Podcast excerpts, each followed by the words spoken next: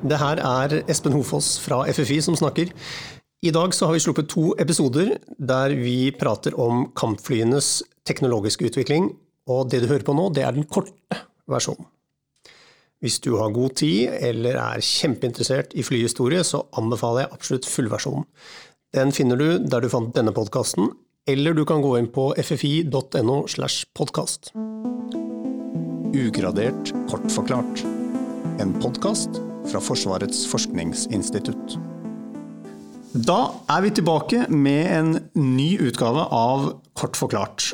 Og i studio i dag så har vi Stian Betten, flyingeniør og ustoppelig flyentusiast. Hei på deg. Hei, hei.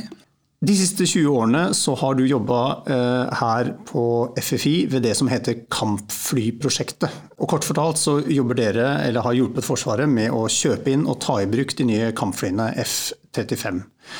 Og I dag så skal vi drive litt flynerding, fordi F-35 det kalles jo femtegenerasjons kampfly. Men hva er det som skiller femte fra fjerde generasjon?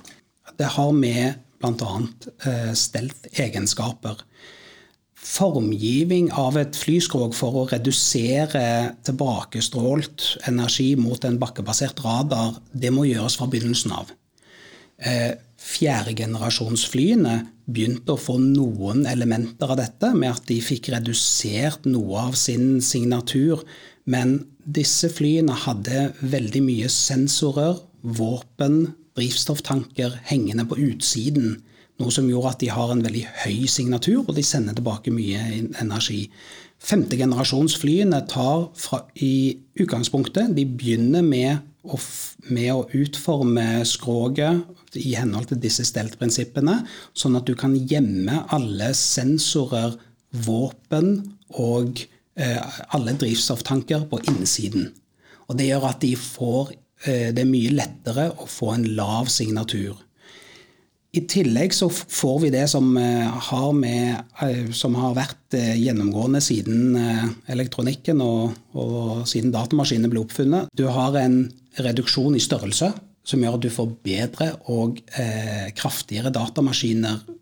Som bl.a. gjør at alle de sensorene som puttes inn i disse flyene, de blir ikke presentert for flygeren på enkeltskjermer i cockpit. Nå blir de slått sammen til ett bilde. Så du har det som kalles sensorfusjon, hvor alle forskjellige sensorene bidrar til å bygge et bilde som flygeren kan forholde seg til. Og nå vil han istedenfor å måtte bruke tid på å styre sensorene og prøve å tolke det han ser, så gjør øh, datamaskinene det for han. Og da kan han konsentrere seg fullt og helt om å fly flyet dit det bør være, for å kunne bruke sensorene der de opererer best, og kunne slippe våpenet på den, den avstanden som fungerer best. Fjerdegenerasjonsflyene har også videreutvikla seg.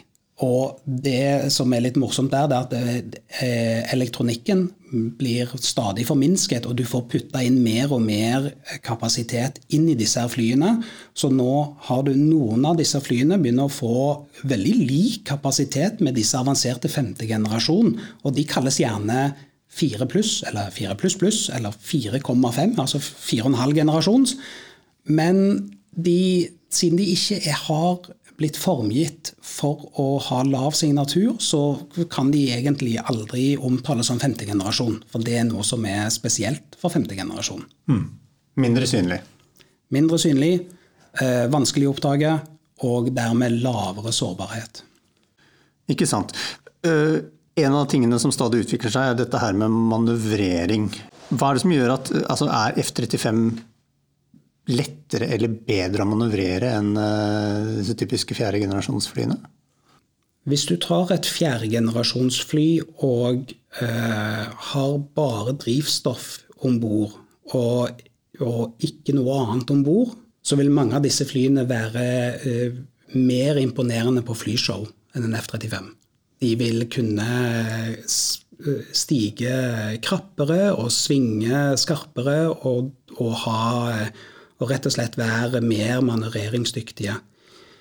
Men når du begynner å putte på drivstoff, eh, våpen og sensorer som gjør at han begynner å få den samme egenskapen som F-35, så vil de ha dårligere manøvreringsevne enn F-35. Så har du noen som har eh, det som kalles uh, thrust vectoring. Dvs. Si at du bruker ikke bare rorflatene til å bevege på flyet og, og, og, snu på det, men du bruker også utblåsningen fra motoren. Mm. For Det finnes jo varianter av F-35, ikke den Norge har, men det finnes jo varianter hvor de da vrir rett og slett jetdysen nedover, så det kan stå stille og sveve i lufta som et helikopter i en viss periode. Ja, og det, dette er den F-35B-versjonen. Den brukes på veldig små hangarskip. Eh, den, eh, eller til å, å stoppe i på, ute i eh, skogen, kan man si.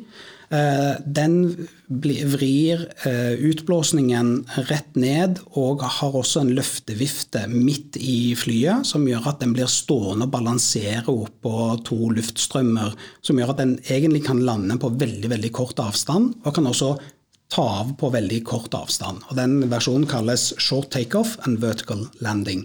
Det vil si kort avgang og vertikal landing. Eh, den bruker, den bruker mye vekt på, å, å, på denne, all denne mekanikken her, og dermed så har han kortere rekkevidde og har, kan ikke ta så mye nyttelast med seg som gjør at den, den var ikke aktuell for Norge.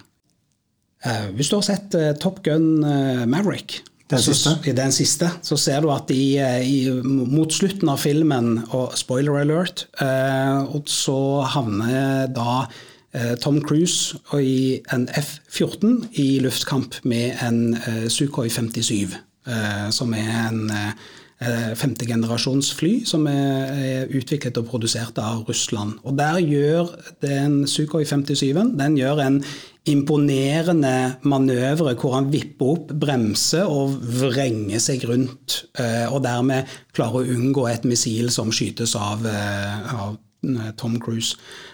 Og det klarer man å gjøre ved hjelp av thrust vectoring, med at du da er svært manøvrerbar. Og igjen, det gjør seg veldig, veldig fint på flyshow. Operativt sett så, så er, er, diskuterer man hva nytten faktisk er. Men han gjør seg veldig fint på film, da. Mm. Altså det, det, det, er mye snakk om nettverksbasert krigføring. Hva, hva er det ved, ved F-35 som gjør at de fungerer i et nettverksbasert krigføring? I eh, til dels tredje og også fjerde generasjons kampfly eh, fikk utviklet datalink mellom flyene. Dvs. Si at flyene kan dele informasjon, sånn at det går an å, å få bedre bilde på hva dine egne mm, kamerater driver med, og hva de har om bord av, eh, av drivstoff eh, osv. Det som er spennende i femte generasjon, det er at den datalinken som brukes mellom flyene, er, har mer informasjon i seg enn det du har hatt før. Og Det betyr at sensorene om bord på de femte generasjons flyene de samarbeider og sånn at nå er det ikke bare sensorene i det enkelte fly, men det er sensorene i hele formasjonen som jobber sammen, og dermed gir et enda bedre bilde til flygeren om hva som er der borte, og hvor det er. Og sånn at det går an å geolokalisere, dvs. Si finne ut hvor et eh, mål på bakken er, med svært høy nøyaktighet. Mm. Det blir raskere og mer presist? Raskere, og det blir mer presist. Og eh, det, du får gjort det på mye større avstand, som senker din egen sårbarhet. Mm. Så er det også mye snakk om at F-35 opererer jo ikke alene. De, det er jo et samvirke her med andre deler av Forsvaret. Altså, hvilke muligheter er det, nye muligheter er det der? Det er faktisk eh, veldig spennende. og Hvordan F-35 kan samarbeide med, eh, med, andre enheter både i vårt eget forsvar og blant allierte. Og eh, samarbeid over datalink, både den som er spesifikk for F35, men også den vanlige datalinken.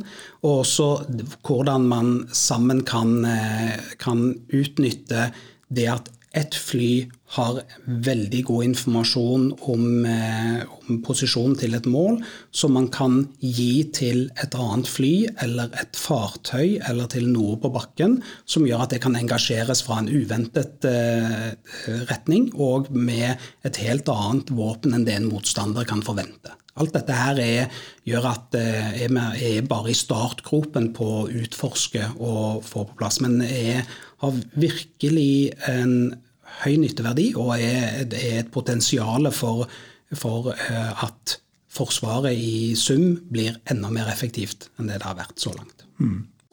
Nå skal vi gå inn for landing. Takk for at du kom, Stian, og takk til dere som har hørt på fram til nå. Tusen takk for at jeg fikk komme.